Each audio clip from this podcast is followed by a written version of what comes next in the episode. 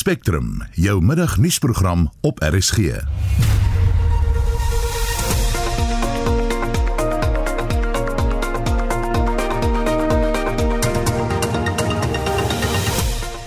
In vandag se program die DA beweer die ANC se sogenaamde kaderontplooiingskomitee het staatskaping gefasiliteer. Die nasionale ramptoestandperiode loop binnekort ten einde. Is dit tyd om dit amptelik op te hef, vra ons. Ons kry die jongste oor die sprinkaanplaag in die Noord-Kaap en honderde families is ontheem weens vratsvloede in Oos-London. Welkom by die Spectrum. Die span is Jomari Verhoef, Johan Pieterse en ek is Susan Paxton.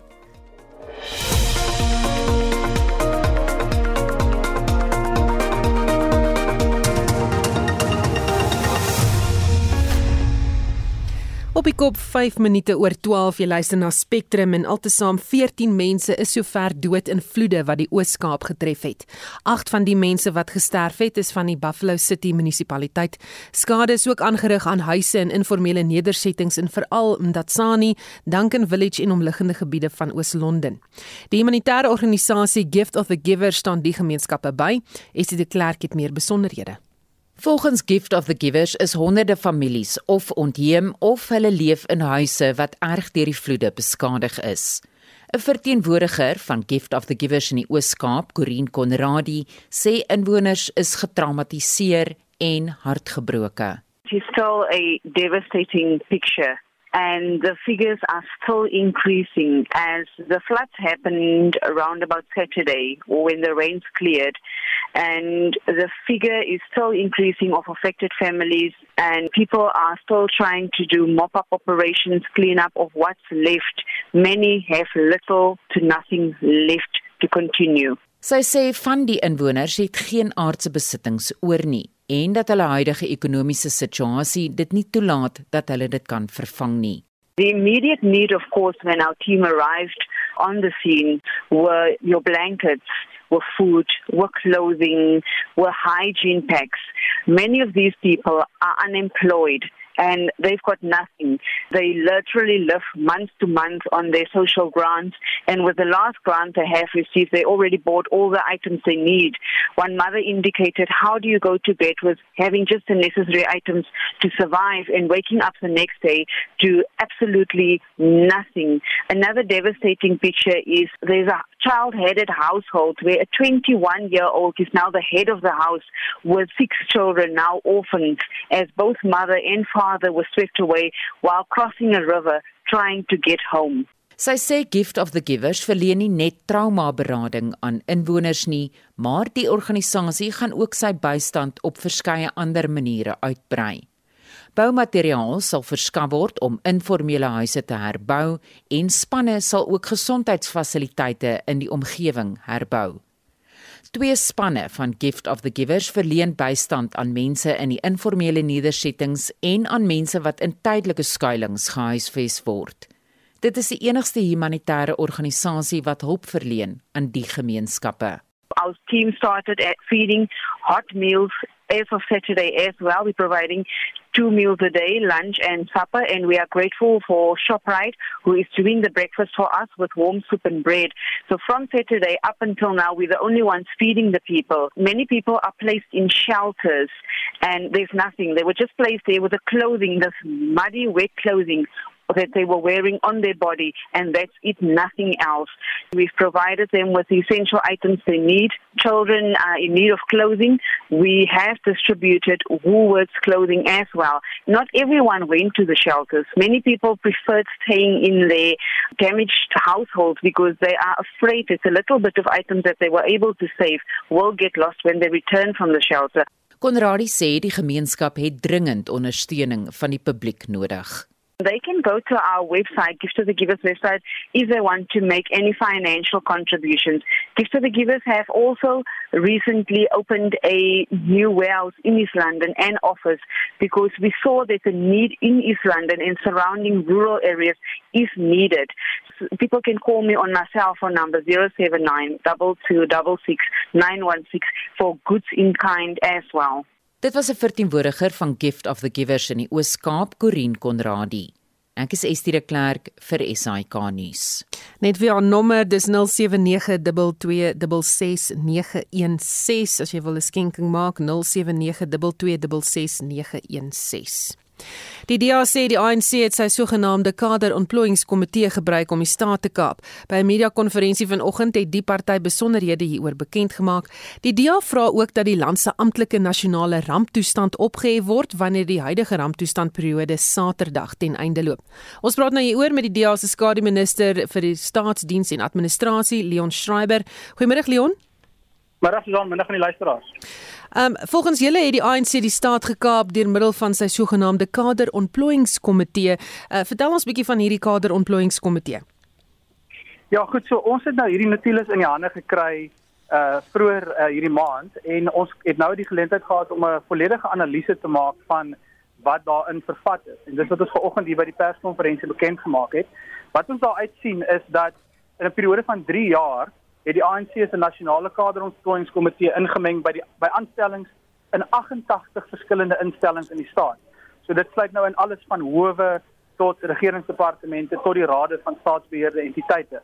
Ons sien ook dat die inmenging van die kaderontplooiingskomitee nie net op die topvlak uh, van die staatsdiens plaasvind nie soos byvoorbeeld nou met regters of met uh, die howe van staatsbeheerde entiteite, maar dat dit ook so laag gaan soos adjunkdirekteurs-generaal. So jy jy het selfs jou middelvlak van uh, staatsdiens wat geaffekteer is hierdeur. Um, ons sien ook natuurlik uit hierdie notules dat lojaliteit aan die ANC 'n deurslaggewende faktor is. Herhaaldelik verwys die komitee na die feit dat iemand 'n ANC lid is, dat iemand die ANC goedgesind is, dat iemand lojaal is teenoor die ANC as 'n rede vir hul aanstelling en in die proses diskrimineer hulle natuurlik teen professionele mense wat aansoek doen wat nie 'n lid is van die ANC nie. En het julle gevind dat die praktyk nog voortgaan? Ja, so hierdie notules wat ons het is van Mei 2018 tot Mei 2021 wat natuurlik die tydperk is nadat president of oud-president Jacob Zuma bedank het. So ons weet vir 'n feit, dit is nie spekulasie nie, dit is 'n feit dat kaderontplooiing onverpoos voortduur onder president Cyril Ramaphosa se administrasie en dat ons in in hierdie tydperk uh van die Ramaphosa administrasie sien dat daar ook ingemeng word selfs by die howe soos ek genoem het. So Ons glo kaderontplooiing is die fondasie van staatskaping en dat ons nie staatskaping kan uitroei as ons nie kaderontplooiing uitroei nie. Ongelukkig het die president tydens sy verskyning voor die sondekommissie kaderontplooiing uh verdedig en uh daarom gaan die DA ons uh werk moet verskerp om seker te maak dat ons dit uitgeroei kry.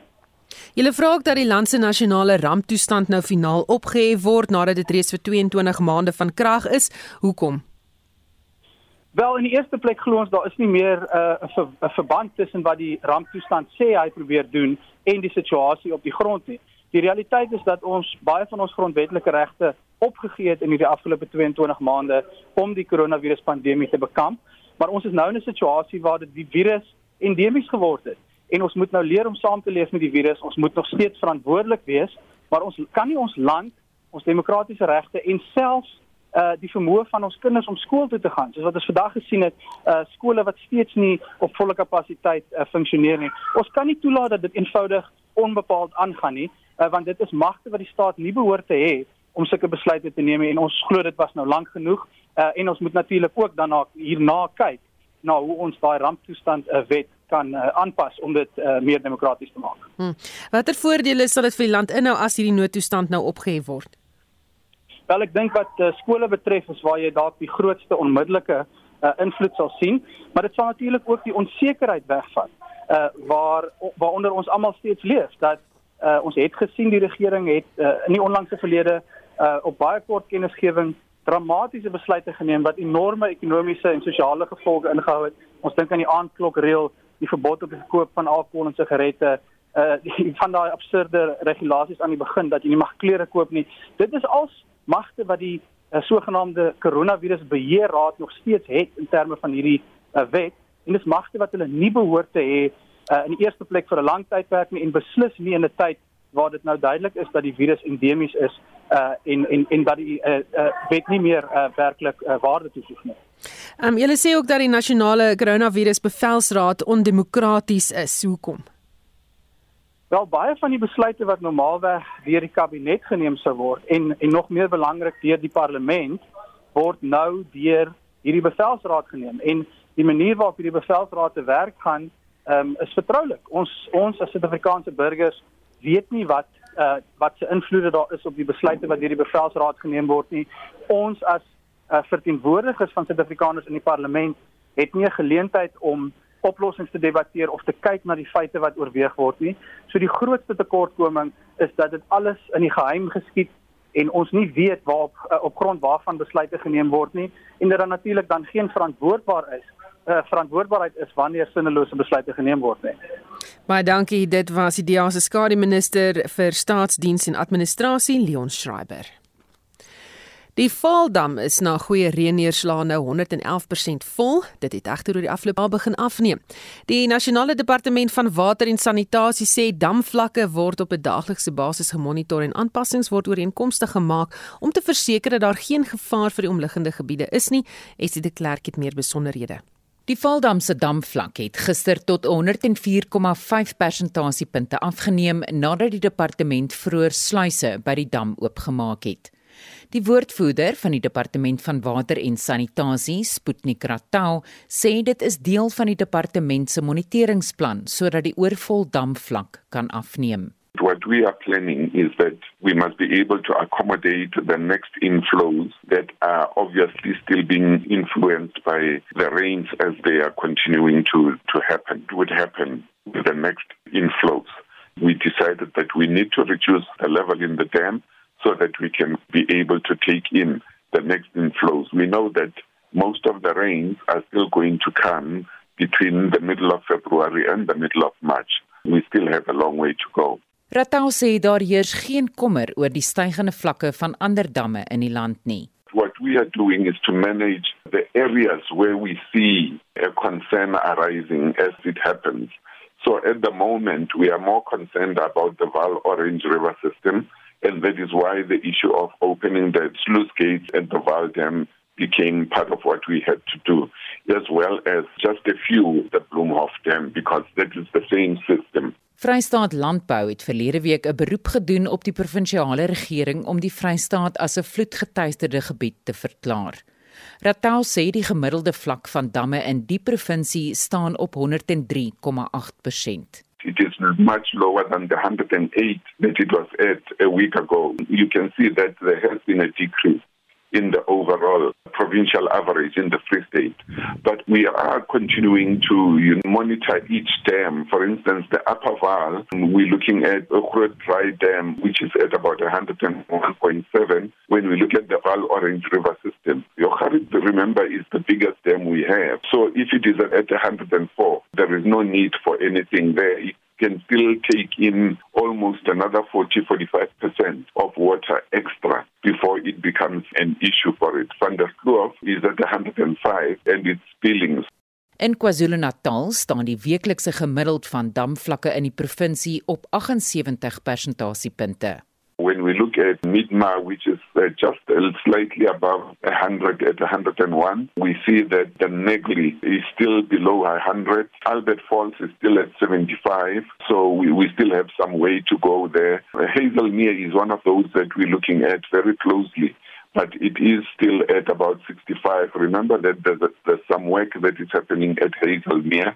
So that is why it will not, for a bit of time, get to a point where it gets to 100%. But when we look at the other dams as well, we can see that they are rising quite steadily and some of them quite in a very hasty way. When we look at Nians, for instance, on the Moy River, which week on week, between last week and this week, it has gone up by about 10% from 105.7 to 115. 'n Voorspeller by die Nasionale Weerdiens in die Wes-Kaap, Henning Grobler, sê daar is geen weerwake vir swaar reën oor enige deel van die land vir die volgende 2 tot 3 dae nie. Donderstorms en ligte reënneerslae word in die binneland en in KwaZulu-Natal verwag. Die KwaZulu-Natal area gaan die volgende paar dae aan en af reën kry. So dit bly reën in KwaZulu-Natal. Maar op hierdie stadium net as gevolg van twee faktore wat bietjie daarbey bydra, maar dit is die volgende 6 dae aan en af met reën. In die Oos-Kaap waar sekere dele ook onder vloede deurgeloop het, is daar vandag 'n 30 tot 60% kans vir donderbuie en ligte reën. En na môre se kant toe is daar weer 'n kans vir baie en donderbuie wat daar kan voorkom. Ek dink dit gaan so baie wees soos wat dit oor Gauteng en in die noordelike gedeelte van die Vrystaat en oor KwaZulu-Natal gaan wees nie. En dan teen Vrydag se kant weer 'n bietjie los donderbuie wat daar kan voorkom laatmiddag aand, maar is eina dit bly maar meer hier oor die Karoo area. Dit was 'n voorspeller vir die nasionale weerdiens in die Wes-Kaap, Henning Grobler, en ek is Estie de Klerk vir SAK nuus. Die Nasionale Redakteursforum of SANEF gaan 'n regsmening inwin oor die besluit van die Departement van Basiese Onderwys dat matriekresultate nie gepubliseer mag word in die media nie. Die bestuurshoof van SANEF, Reggie Moalusi, sê die organisasie voel daar kan 'n ooreenkoms bereik word met die departement. We are disappointed with the department's decision because the decision was also made without any prior consultation with us as the media fraternity. We would have loved to really you know, engage the department and see how both organizations, the media and the department, can find the middle ground in terms of how to do this. I mean, the, the POPIA Act as SANEF, we hugely appreciate and respect the act itself, but we do believe that the decision that was taken now, that was announced yesterday, I mean, it was unprecedented. And it was announced, well, what, nine days before the results are, are actually published. So we are quite disappointed with that decision. Moalusi sê die media kan die resultate publiseer sonder om enige iemand se persoonlike inligting bekend te maak. The Act does allow, the Section 7 of the Act that really gives journalists the space to really work around personal information and work around the reporting of that personal information. And I think if you look back since the Act was adopted in the middle of last year, the media has done fantastically well in terms of respecting the Act. So in this case, we are saying to the department, we are very amicable, and we are saying, let's discuss what can be published and what cannot. Even if the department says to us, okay, maybe publish only student numbers, then we can, you know, ventilate that interpretation to see if we will be contravening the Act. But Section 7, if you look at Section 7 of the Act, it does allow us space for the media to really report on various aspects of personal information without identifying the actual owner of that information. Hy sê daar's baie Suid-Afrikaners wat staat maak op die media om die inligting te kan bekom. Well, it's, it's been a tradition over the years, and the implications is that there are so many South Africans who rely on our media platforms to access their results. There are so many South Africans who say if newspapers or the digital platforms don't publish these results, then how else will I know? We respect the department's decision for the learners to go to their respective schools to access those. But those learners also have extended family and relatives who would like to see how well they did. That's been the tradition over the years. That tradition, we understand that things change, we understand the act, but we say let's work around the act and let's not take impromptu decisions like this whereas we are not consulting the actual affected people. In this case, the media that's affected, and I think that's a huge implication for us as a fraternity. Dit was die bestuurshoof van Sanef Reggie Moalusi. Ons bly by skoolverwante sake. Skole in die binneland het vanoggend heropen en ons wil graag by jou weet hoe die eerste dag tot dusver verloop het. Het die proses vanoggend effens stadiger verloop weens COVID-19 regulasies? Is jou kind of kinders opgewonde om terug te wees by die skool? Wat verwag jy vir die akademiese jaar wat voorlê? Ek sien ons reeds baie foto's op sosiale media van almal se kinders wat skool toe is. Ons wil graag hoor van jou ervaring by skole vandag. Stuur 'n WhatsApp stemnota na 076 536 6961 dis 0765366961 of stuur 'n SMS na 45889 dit gaan jou R1.50 kos. Op sosiale media sien mense ook gereeld nog video's van die bruin sprinkaan plaag wat deur dele van die Noord-Kaap getrek het. En uh, Agri Noord-Kaap sê egter die plaag is onder beheer. Ons praat nou met die president van Agri Noord-Kaap, Nicole Jansen. Goeiemôre Nicole. Goeiemôre Susan, dankie, lekker om julle te kan gestel. Hoe groot is die probleem nog?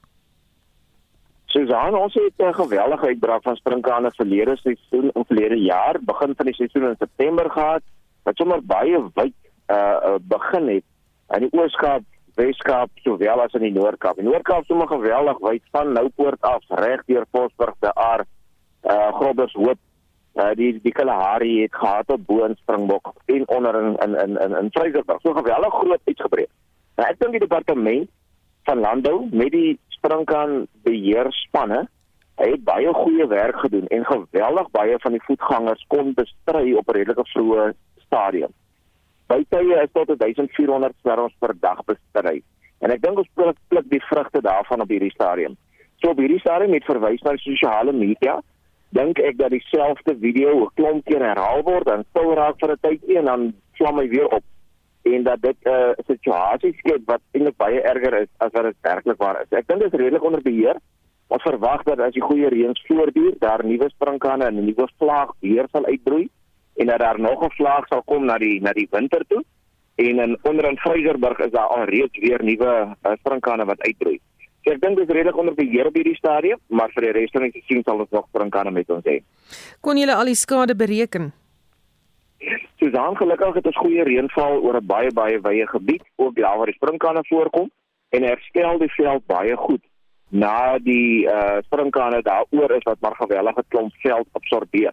So hierdie stadium dink ek nie ons kan werklik waar skade bepaling doen op die natuurlike weiveld nie.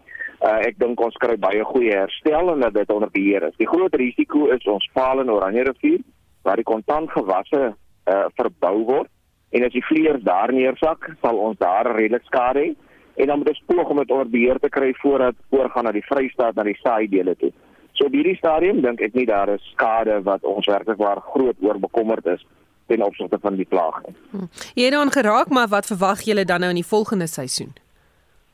So die res van hierdie seisoen tot en met die winter verwag ek lei sprinkane met ons gaan wees. Ek dink dat al stiller tye wees en dan sal daar weer tye wees wat baie groter aktiewe uitbrake kom as ons kan voortgaan om die voetgangers te bestry op voetgangerstadium, dan dink ek gaan ons hierdie seisoen redelik onder beheer gehou kry en ons moet voortgaan om dit aktief aan te meld en dit aktief te bestry. So op hierdie stadium dink ek dat die boere, sowel met die departement van landbou en al die spanne wat ontplooi is en die opgeleide mense baie goeie werk doen om hierdie plaag onder beheer te hou. Baie dankie. Dit was die president van Agri Noord-Kaap, Nicole Jansen. Die regering beplan om vanjaar 'n nuwe verdedigingsentiteit in die vorm van die grensbestuursowerheid op die been te bring. Die owerheid se werk sal daarop gemik wees om Suid-Afrika se grensbeheer te verbeter en die owerheid beoog om teen die einde van die finansiële jaar toenemend verantwoordelikheid vir die toepassing van grenswette te aanvaar. Die DEA se skademinister van binnelandse sake, Adrian Roos, verduidelik. Die grensbestuursowerheid sien die samesmelting van grensbeheerfunksies, insluitend grensgesondheid en landboufunksies, alhoewel die SARS douanediens uitgesluit word. Die idee is dat personeel van die vorige entiteite na die grensbestuursowerheid geskuif sal word en 'n bestuurslaag bo-op versprei word. Die wetgewing laat 'n onopgeloste verwarring tussen die voorgestelde grenswag en polisiediens wat steeds die grondwetlike jurisdiksie het om die gebied rondom grensposte te beskerm, maar die militêre wagte is steeds verantwoordelik vir grenspatrollie. Nou tot 31ste Maart 2023 sal die grensbestuursowerheid binne die struktuur van binnelandse sake geïnkubeer word as een van sy takke, waarna dit as 'n skedule 3A nasionale openbare entiteit beplan is om voort te loop. Hoe sal die departement homself moderniseer en ontwikkel sodat die grensbestuursowerheid hul werk goed by ons grense kan doen? Binnelandse sake beplan een-stop grensposte vir die ses besigste landgeslote grensposte, insluitend Beitbrug, Lebombo, Oshoek en Masurubrug. So die idee is dat uh, stelsels aan beide kante van die grens geïntegreer is en dit halveer die tyd om deur die grense te kom. Maar anders as suksesvolle eenstop grensposprogramme in Oos en Wes-Afrika, sal ons in gefinansier word deur die toekenning van 'n 30 jaar toegewings wat aan private maatskappye toegeken word met die koste wat deur tariewe verhaal word vanaf reisigers, 'n vorm van e-tolls. En dan is daar ook miljoene begroot Waar gaan die geld vandaan kom en sal dit volhoubaar wees? So volgens die grensbestuursowerheid se plan sal die geraamde uitgawes jaarliks 8.25 miljard beloop vir die owerheid om ten volle operasioneel te wees. Nou sommige van die begroting moet oorgedra word deur hoofdepartemente wie se funksies na die grensbestuurowerheid oorgedra moet word. Die realisering van addisionele begroting sal egter geheel en al op die beskikbaarheid van fondse van die nasionale tesourier gebaseer wees. Nou as die tesourier nie met die geld elke jaar voor 'n dag kan kom nie, kan die grensbestuursowerheid 'n wit olifant word, beman met miljonair bestuurders. En dit is iets wat ons nie kan bekostig met drastiese begrotingsbesnoeiings op vergoeding van polisiebeamptes en die departement van verdediging wat aandui hulle het onvoldoende begroting om hulle mandaat uit te voer. Die DA hou vol dat grensbeheer gekoördineer kan word met 'n fraksie van die voorgestelde bureau van miljonêre bestuurders met die geld wat op grensveiligheid magte en interne immigrasiebeheer gerig is om ons grense te beskerm.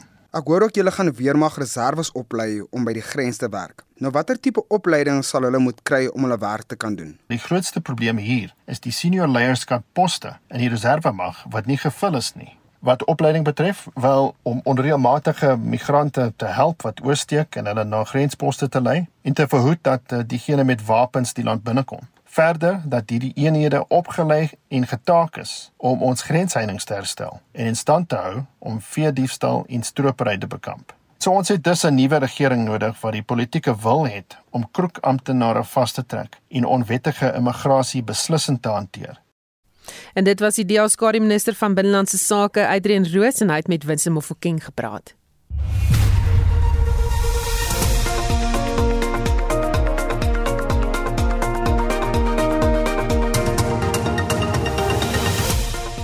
In die tweede helfte van die programme merkbare afname in padsterftes in die Wes-Kaap. Mali het aangekondig dat hy al sy ambassadeurs uit Wes-Afrika lande gaan onttrek en 'n 7-jarige van Appington word een van die jongste bydraers tot die Afrikaanse taal bly ingeskakel.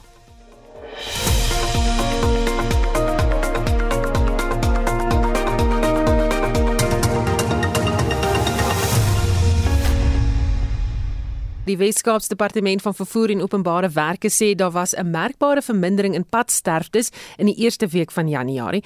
In die week van die 3de tot die 9de Januarie is sowat 39698 voertuie gestop en nagegaan vir padwaardigheid. Ons praat nou met die kommunikasiehoof van die Weskaapse Departement van Vervoer, Jandrey Bakker. Goeiemôre Jandrey. Middag julle. Hoeveel mense is in die eerste week van Januarie dood op die paaie? Ongelukkig moet ons sê dat daar 23 noodlottige botsings was en 25 mense het gesterf. En as ons daarna gaan kyk na wie wie in daardie uh, botsings gesterf het, is 6 bestuurders, 7 passasiers, maar 9 was voetgangers. So dit wys weer eens vir ons dat nie net ons ouens wat op die pad ry nie uh, vir ons 'n risiko is nie, maar vir al mense wat nog steeds voetgangers is, is baie keer die enigste manier wat hulle het om van punt A na punt B te kom en dis dit hulle verantwoordelikheid om seker te maak dat hulle sigbaar is vir mense wat bestuur maar ook dat ons ouens wat bestuur ook 'n ekstra waaksame oog vir hulle sal uithou. So hoe vergelyk dit met verlede jaar dieselfde tydperk? Op hierdie stadium lyk dit lyk dit eintlik dieselfde as verlede jaar en as ons gaan kyk na verlede jaar hierdie tyd het ons baie baie minder verkeer op ons pad gehad. Jy sal onthou dat dit net aan die einde was wat strande nog so 'n bietjie gesluit was en so aan. So ons het baie minder verkeer gehad met met rowweg dieselfde hoeveelheid sterftes. As ons dan kyk na 'n gewone week deur die deur die loop van die jaar, dis 'n trend wat ons in 'n gewone week sien. So dit een van twee goeders sê dit vir ons nommer 1 dat ons mense wat uit op die pad hulle werk doen om die pad veiliger te maak, maar ook dat die uh, padgebruikers hulle deel doen deur nie roekelose nalatigheid te bestuur nie. As ons gaan kyk na vanoggend se botsing waar in twee mense oorlede is by een een naby Maatjiesfontein, weer eens dit uh, die voorlopige ondersoek dui op verbysteek teen 'n sperstreep en dit het twee mense hulle lewens gekos. So as ons gaan kyk na na uh, padgebruiker gedrag, dit bly ons grootste geveg en as ons gaan kyk na die padsterftes wys dit dat ouens hulle op hierdie stadium beter ehm um, gedra as om hierdie woord mag gebruik. En jy is ook bekommerd oor die hoeveelheid dronk bestuurders op die paaie. Absoluut. As ons gaan kyk na verlede week was daar 54 arrestasies gewees onder die nasionale padverkeerswet en die kriminele prosedurewet waarvan 23 uh, dis dis amper die helfte van die ouens wat vir dronk bestuur het. Nou ons is baie bekommerd dat die ouens ons doen elke jaar navorsing om te sê hoekom drink mense in bestuur en dan kom dit uit So ek kan dit al voorspel dat hulle sê as hulle een drankie in het, hulle bestuur baie versigtiger want hulle weet hulle het met een drankie in. Dit is 'n totale mite. Selfs daai klein bietjie alkohol beïnvloed jou reaksietyd. Ehm um, so as ons kyk, dis die ouens wat dit beteken nie dat die ander bestuurders wat ons getoets het glad nie alkohol gehad het nie in hulle bloed gehad het nie. Dit beteken net hierdie ouens was oor daai wette geperk. So dit is dit bly vir ons 'n verskriklike groot probleem, maar ook nie net by bestuurders nie. Ons het ook een arrestasie gehad vir 'n uh, uh, voetganger wat verskriklik ver oor die uh, algehele bloedalkohol vlak was en dit naby verkeer geloop het. Dit kan dit kan bydra tot 'n tot 'n botsing. So van as ons kyk na ons uh, navorsing oor voetgangers wat is dan wat gesterf het in 'n botsing en ons daarna getoets het vir hulle vir alkohol in hulle bloed was amper 50% van hulle onder die invloed van alkohol gewees. So dit bly vir ons 'n groot probleem op ons paaie. En ander probleme onder padgebruikers wat julle ook pla. Spoed, spoed bly een van ons groot probleme. Ehm um, ouens ry te vinnig en dit kan vir verskeie redes wees. Hulle oorskat die hulle uh, reaksietyd of hulle oorskat die die voertuig waarin hulle ry. Ehm um, of hulle is eenvoudig net nie voorberei gewees op hulle rit nie iets het hulle vertraag op hulle pad en nou probeer hulle tyd opmaak en hulle dink ons gaan hulle nie kry nie nou ry hulle te vinnig iets gebeur en dan hulle reaksie tyd te stadig om 'n noodlottige botsing te voorkom. Roekelose nalatige bestuur bly ook vir ons 'n groot probleem. Algesien as ons gaan kyk na die na die botsings wat plaasgevind het en ons gaan doen 'n analise, is 'n groot hoeveelheid van daardie botsings was trompelbotsings waar iemand verbygesteek het vir altyd 'n sperstreep selfs as ver oggend se botsing um, by die N1 uh, by Maikiesfontein waar dit duidelik op hierdie stadium vir ons dui dat iemand moes iemand verbygesteek het en tromp opgebot het met iemand anders. So roekelose nalatige bestuur sowel as um, dronk bestuur en spoed bly ons groot probleme. Ons is ook natuurlik bekommerd oor mense wat moeg raak agter die stuur. Ons sal onthou ja. so verlede week was daar daardie minibustaksie waar die bestuurder in die slaap geraak het, vermoedelik aan die slaap geraak het en 'n paar mense se dood veroorsaak het so. So dit hm. bly vir ons maar ons hoofprobleme. Baie dankie. Dit was die kommunikasiehoof van die Wes-Kaapse Departement van Vervoer, Jandrey Bakker. Die 7-jarige Lali Burger van Appington in die Noord-Kaap het onlangs een van die jongste bydraers tot die Woordeboek van die Afrikaanse taal geword. Lali het die woord koutserig uitgedink toe haar oupa Dekker Stadler nie vinnig genoeg na haar sin in die swembad wou klim nie. Dit is 'n samestelling van koud en kleinserig. Haar ouma, Christa Stadler, beter bekend as Tally, het die woord ingeskryf en haar ma, Christel en pa Henko Burger is baie trots op hulle dogter. Spectrum het met hulle gepraat. Ag, ek is verskriklik trots. Pappa is ook hier, so pappa Henko. Ek is vreeslik trots op haar. Ja, hulle is so oulik. Eintlik al ons kindertjies is vreeslik oulik. Henko, hoe voel jy oor jou slim kind? Hy sal natuurlik sê sy is so slim soos haar pa. ja, ek is geweldig trots. Ek hou van ouma se sin vir humor. Ouma, hoe voel jy oor hierdie slim kind want jy die woorde gaan inskryf? Ons is baie trots. Die woord het net vir my so sin gemaak. Dis hoekom ek gedink het, ek meen dis so 'n goeie Afrikaanse woord dat mens hom moet verder gebruik. Lali en jy, hoe het jy aan hierdie woord gekom? Ons was in die swembad, ek, ouma, my boetie en oupa. En oupa het koud gekry, so hy het gesukkel om in te klim. Toe dink ek aan klein seerig vir koud en dis sê ek dit. Ah, en toe kom jy op die woord uit. Wat s'e woord sê hom vir ons? Koudserig. Wat sê oupa toe jy hom dit noem? Toe lag hy. hy het so gelag hy dit dadelik op Facebook gaan sit. Dit was vir hom baie snaaks en baie goed gewees. Dis 'n fantastiese woord. Lali sê vir my, hou jy daarvan om so met woorde in die taal te speel? Is dit vir jou lekker? Ja. Hoekom is dit vir jou lekker? Ek hou van dit. En, Afrikaans is mooi. Ja. En het jy dalk nog so 'n nuwe woordjie of twee waaraan jy nou al intussen gedink het? Nee, nog nie. maar die jaar is nog lank, jy kan nog aan baie woorde dink, nê? Nee? Ja. En sê vir my toe jy daai sertifikaat kry wat wys dat hierdie woord van jou nou in die woordeboek gaan wees, hoe het jy hoe het jou hart gevoel? Bly. Ouma, hoor jy is daar in die omgewing, jy die woord gaan inskryf en toe hulle hom aanvaar, hoe hoe het jy gevoel? Ek het nogal gedink dit is net te wonderlik want daar is mos al hierdie nuwe woorde soos broekosie en kiri klap en jy weet mos al daai woorde. Maar hierdie een het regtig vir my so sin gemaak dat dit was vir my baie baie baie goeie skepis. Ek wil 'n bietjie vertel van oupa se pa was 'n taalonderwyser. So oupa, oupa grootjie, Lali se oupa grootjie het dit half op sy pa afgedruk, uh, ag op sy seun afgedruk dat hy ook van taal hou. Dat hy byvoorbeeld hy het se predikant dit was hom baie belangrik dat elke woord Afrikaans moet wees. En as hy in Afrikaans spreek, hy kan nie Engels spreek nie, hy kom van Engels, van Appington af. Hy gebruik ons Afrikaans altyd in Engels net vir noodgevalle. Maar dit kom dit kom van pappa af, ook van haar pappa af ook want hy is net so lief vir Afrikaans en om die woorde mooi te mooi Afrikaanse woorde te gebruik. Ja. Terwyl jy nou jy's aan die woord, maar dan kan ehm um, weet Kristal en en Henko ook dalk vir my sê hoe inspireer mense kind om so met die taal te werk? Want ek dink ons probeer so ver as moontlik Afrikaans te bevorder. So ons kyk baie Afrikaanse TV en ons luister Afrikaanse musiek en dan ja, ons hou van met Afrikaanse woorde rondspeel. So ek ek is nogal geneig om baie grappies te maak met Afrikaanse woorde en ook met mense se name. Doen dit al vir jare dat hoe al ek mense se name onthou is om met 'n naam in wat 'n grappie te maak. So ek dink die kinders het dit maar opgetel en hulle sê mos maar kinders doen nie altyd wat jy sê nie, maar wat jy doen. So ou moet maar net ou moet maar net 'n goeie voorbeeld wees.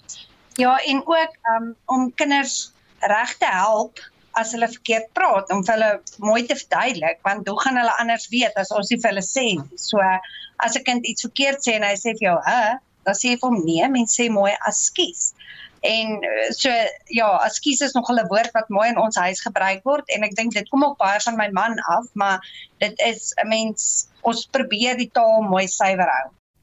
En dit was die stem van Kristal en Henko. Dit is nou die ouers van Lali Burger en haar ouma het saamgestel Christ of gesels eerder Christa Stadler.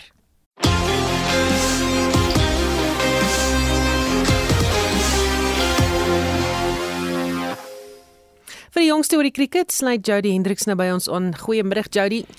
Goeiemiddag Susan, middagete in die Proteas op 100 vir die verlies van 3 paaltjies. Die kaptein Dean Elgar gisteraand al terug in die kleedkamer vir 3 En die Proteas sou vanoggend kom voortkolf op 17 vir 1 met Aiden Makram en die naguiltjie chef Maharaj voor die binne.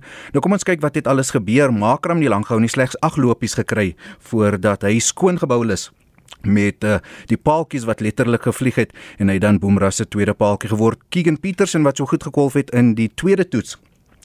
Hy het ook uh, um, kom kolf en hy is nog steeds daar. Hy is op 40 nie uit nie en saam met hom is Rassie van der Tussen op 16.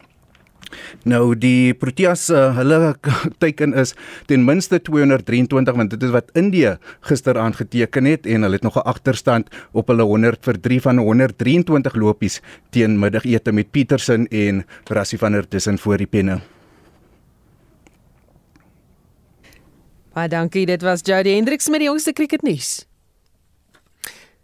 Tyd vir nuus uh, van die kontinent. Mali het aangekondig dat hy al sy ambassadeurs uit Wes-Afrika lande gaan onttrek weens streng sanksies wat deur die ekonomiese gemeenskap van Wes-Afrika state, oftewel ECOWAS, ingestel is.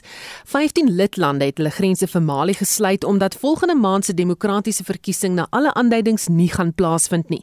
Na militêre staatsgreep verlede jaar het die weermag beloof om in Februarie 'n demokratiese verkiesing te hou, maar hulle het Forsie het meer besonderhede. Mali word toenemend geïsoleer van sy buurlande. Nou volgens die Solidariteit-beweging se internasionale kommentator Jaco Kleinans, is dit 'n netelige kwessie. Die land reageer daarop deur natuurlik homself verder te isoleer, deur ambassadeurs te onttrek, grense te sluit en eintlik veroordeling teenoor sy buurlande op te tree. Nou die probleem hiervan indien hierdie geskil nie opgelos word nie, is natuurlik dat dit vir die hele streek ernstige nadelige gevolge kan hê veral in die stryd teen terreur. Hy sê gebeure in die Sahel streek en die toename in terreuraktiwiteit vanuit Mali sedert 2012 het 'n beduidende impak op die vasteland Die afgelope paar jaar het Frankryk 'n belangrike rol gespeel om hierdie ontwikkeling van islamitiese terreur in Mali en sy buurlande te probeer beveg. Ons het verlede jaar gesien dat president Emmanuel Macron besluit het om sy soldate te begin onttrek uit die gebied. Nou ook uit Mali is die meeste Franse soldate reeds onttrek en dit skep 'n baie groot uitdaging nie net vir Mali soos ek sê nie, maar ook vir die res van die streek. As ons net kyk na wat in die afgelope paar maande gebeur het, dan sien ons toenemende aktiwiteit van terreurgroepe in Mali. Ons sien dit ook in die Niger en in Burkina Faso, maar dit het verder begin uitbrei na die Ivoorkus, Senegal, selfs so ver wes as die Weskus naby Guinea. Die Amerikaanse president Joe Biden het vroeër die week sy kommer oor die voortsleepende konflik uitgespreek, terwyl die VN waarsku dat sowat 20 miljoen mense moontlik voedseltekorte kan ervaar. Die ernstige ekonomiese probleme, die hongersnood wat daar is, dit alles dra by tot onstabiliteit. 'n uh, Demokratiese verkiesing en 'n stabiele regering sal wel beteken dat westerse lande weer betrokke sal raak. Die afgelope dekade of wat het verskeie westerse lande baie betrokke gewees, beide in die stryd teen islamitiese terreur, maar ook in die ekonomiese heropbou van die streek. So eh, die voordeel van demokratiese verkiesings in Mali sou wel beteken dat die huidige isolasie van die land tot 'n einde kan kom en dat daar waarskynlik 'n baie groter betrokkeheid van al uit die westerse wêreld sal wees om die land by te staan. Op die oomblik sien ons wel opportunistiese optrede van byvoorbeeld Rusland en China Intussen het Biden en sy Ethiopiese eweknie Abiy Ahmed hul eerste telefoniese gesprek gevoer, hoofsaaklik oor die konflik in die Tigray-streek. Slegs enkele jare gelede, ons is daar in die weste baie sterk gefokus op Ethiopië en is was daar eintlik die verwagting geweest dat Ethiopië 'n bron van stabiliteit in Oos-Afrika en eintlik die hele Afrika kontinent sou wees. Sedertdien het die situasie natuurlik omtrent heeltemal omgekeer. November 2020 het die geweld uitgebreek tussen die federale regering in Addis Ababa en Tigray in die noorde. Enkele dae gelede was daar nou weer 'n lugaanval op Tigray gewees waar ten minste 50 burgerlikes dood is. President Joe Biden van Amerika het gesê hierdie bloedvergieting kan nie voortduur nie. Te midde van gebrekkige toegang tot voedsel en gesondheidsdienste, weier Ethiopië egter om internasionale humanitêre hulp in die streek toe te laat. Volgens Kleinhans moet die krisis in die Sahelstreek en Oos-Afrika gesamentlik aangepak word. Westerse lande, veral die VSA, voel baie sterk daaroor dat die oplossing lê in demokrasie, uh, demokraties verkose regerings, want dit is tans een van die groot probleme. Uh, dit is die probleem in Mali, Dit is die probleem in Sudan. Ons sien hierdie gereelde militêre staatsgrepe.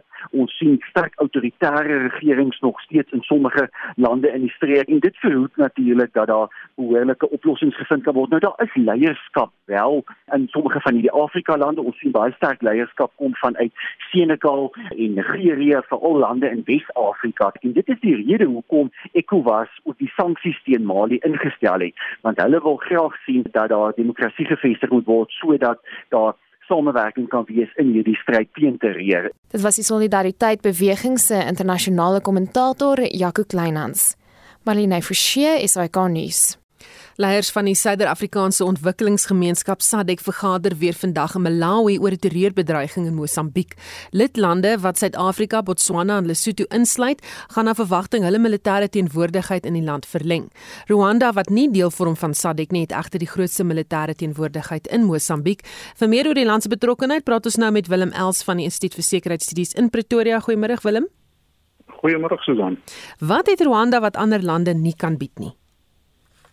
Ja, uh, Rwanda is maar eh, 'n uh, baie klein landjie uh, wat uh, baie baie baie ver bo kan sy vermoë kolf wanneer dit kom by uh, sy sy streeksverhoudinge nie in Suider-Afrika nie, maar ook in Oos-Afrika.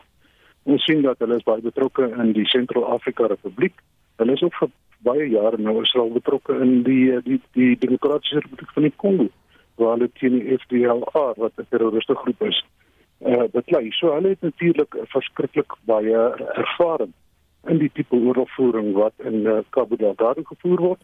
En nog 'n ding, uh, jong, uh, die ehm um, die weermag van uh, van van Rwanda is een van jou bes uh, opgeleide, mees gedissiplineerde en en uh, goed georganiseerde weermagte in Afrika. So uh, dis dis net van die van die uh, voordele wat daar is. Ons weet daar ook nou nadele is ons die reg sê dat hulle buite van buite die streek is en ons weet ook dat die verhoudinge tussen veral Suid-Afrika uh, wat dan maar 'n leidende rol speel in SADC uh, en in Rwanda so bietjie kouerig is as gevolg van gebeure in die verlede. Dink jy die ontplooiing van Rwandese magte was agter die skerms deel van 'n politieke spel? Susan dit blyk vir ons so as jy gaan kyk na die na die geskiedenis van die hoe hulle ontplooi is ons weet dat uh, SADC het uh, baie lank het hulle probeer vir president Nyusi uh, oortuig dat hy met die SAMIM uh, troepe of magte toelaat in KwaZulu-Natal. Ons weet dat hy teengeskop het. Daar was verskeie vergaderings, dit is vergaderings in Botswana, daarna verskeie vergaderings in Maputo onder sy leierskap wat ons sien dat daar agter die skerms redelike druk op hom was om om die om die magte toe te laat. Hy het ingeskop uh, en verskeie keer genoem ook in die media dat hy is bekommerd oor die soewereiniteit van Mosambiek wat geskend sal word. En daarom het hy maar teengeskop.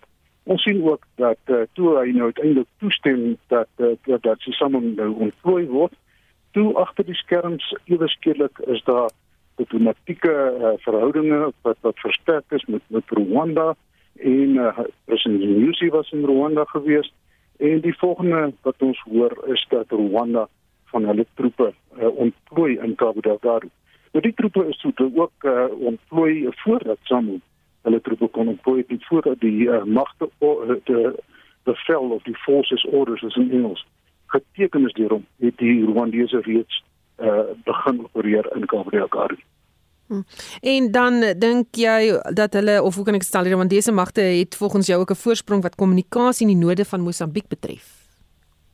Uh, ja, baie beslis. Jy weet as jy kyk na die streek uh, dinamika in daai streek, soos uh, ons in die verlede ook al gesê, Pemba is ongeveer so ver van Maputo af, nou wat natuurlik die hoofstad van van Cabo Delgado is, as wat uh, Windhoek van van Maputo af. So dis 'n ongelooflike uh, afstand die die dinamika daar is anders baie van die mense toe ons nou in November op daar was die oorgrootste meerderheid van die mense wat van die streek wat ons van die omgewing wat ons eh, toe nou met onderhoude gevoer het kon nie eers Portugees praat nie so daar daar's 'n heeltemal 'n disconnect van tussen tussen Cabo Delgado en en Maputo waar Rwanda weet heel is van die streek waar hulle die streekstaal praat uh, genaamd uh, Swahili So die troepe van van Rwanda toe hulle ontplooi kon hulle dadelik kommunikeer met die mense in die streek wat nie noodwendig die geval is met die soldate wat van Maputo af ontplooi word nie.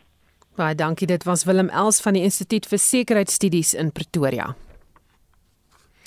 Die sakenis word aangebied deur Robert Cameron, portefeuljebestuurder by Fisher Dugmore Sekuriteite. Goeiemiddag Robert. Goeiemôre Suzan, goeiemôre luisteraars. Uh, kommentaar deur die voorsitter van die Amerikaanse Federale Reserveraad, uh, Jay Powell, het uh, dat hulle inflasie gaan probeer bekamp en dan het ook syfers vir vandag uit China uit uh inflasie syfers moet ek sê uit China wat laer uitgekom het as verwag, het uh, die wind behoorlik agter die mark gesit vandag. Uh plaaslik versterk die indeks vir alle aandele met 1,8% of 1330 punte. Hy staan tans op 75290 punte. Die top 40 indeks verbeter met 2%, die Hulbron indeks sterker met 3,4%, die Nasdaq indeks sterker met 1,5% eh, en die finansiële indeks op hierdie stadium onveranderd. Ons kyk na enkele aandele, Naspers sterker met 6,9%, hy's op R2620. Sasol verbeter 4% 2000 ekskuus tog R277.70 Anglo American verbeter 4,5% Hy is op R710. Glencore sit so 3,6% by en dan uh Kumba sien ek is beter met 3,5%. Hy is op R515.20. Uh die wisselkoerse tans op hierdie stadium R15.49 teenoor die Amerikaanse dollar, 17.59 teenoor die euro en 'n Britse pond kos hier tans R21.10. Kommoditeite, die goudprys 1817 dollar per fyn ons, platinum 972 dollar en dan die Brentolieprys op uh, 83 dollar 80 per vatjie. Internasionaal sien ons oornag verbeter die Dow Jones met so 0,3%, die groot Europese uh, markte ook uh, heelwat sterker vandag Uh, die FTSE 100 in Londen is op met 0,7%, die DAX in Frankfurt versterk 0,4% en die CAC 40 in Parys verbeter 0,5%. Baie dankie dis dit dan van van die sake nuus. En dit was Robert Cameron, portefeuljebestuurder by Fisher Dugmore Sekuriteite.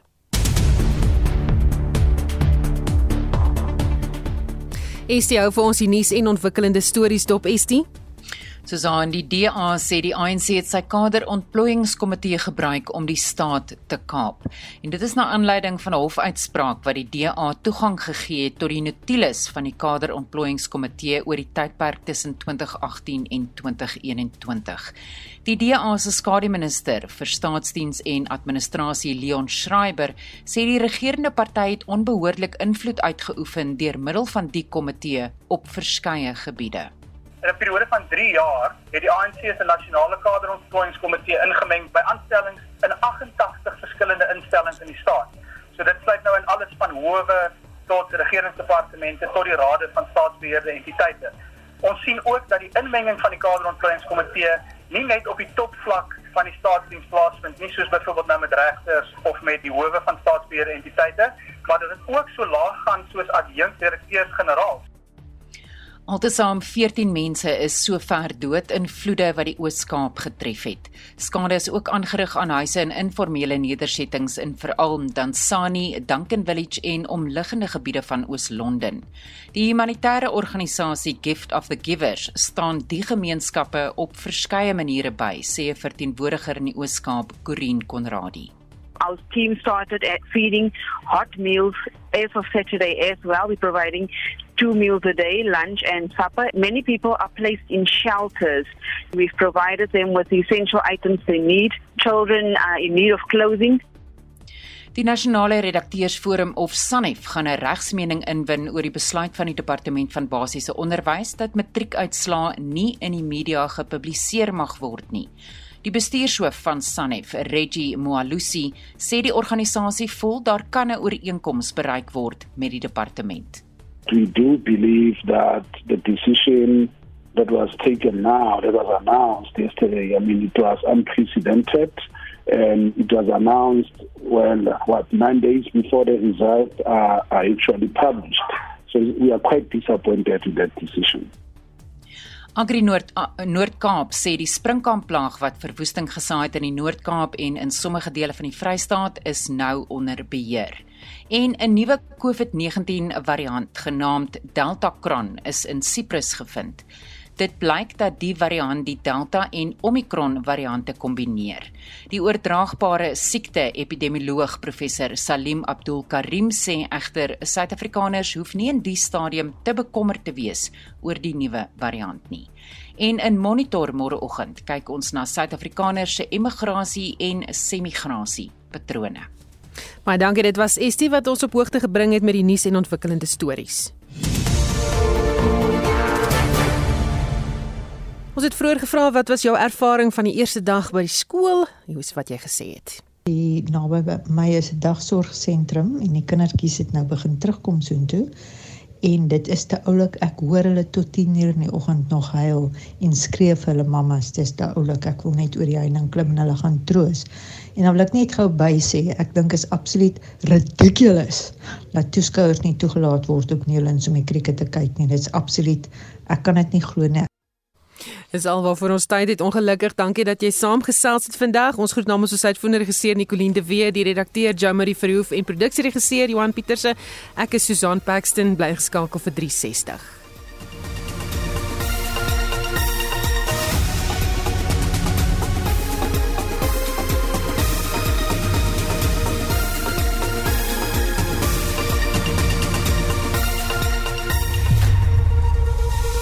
SAK nuus onafhanklik, onpartydig.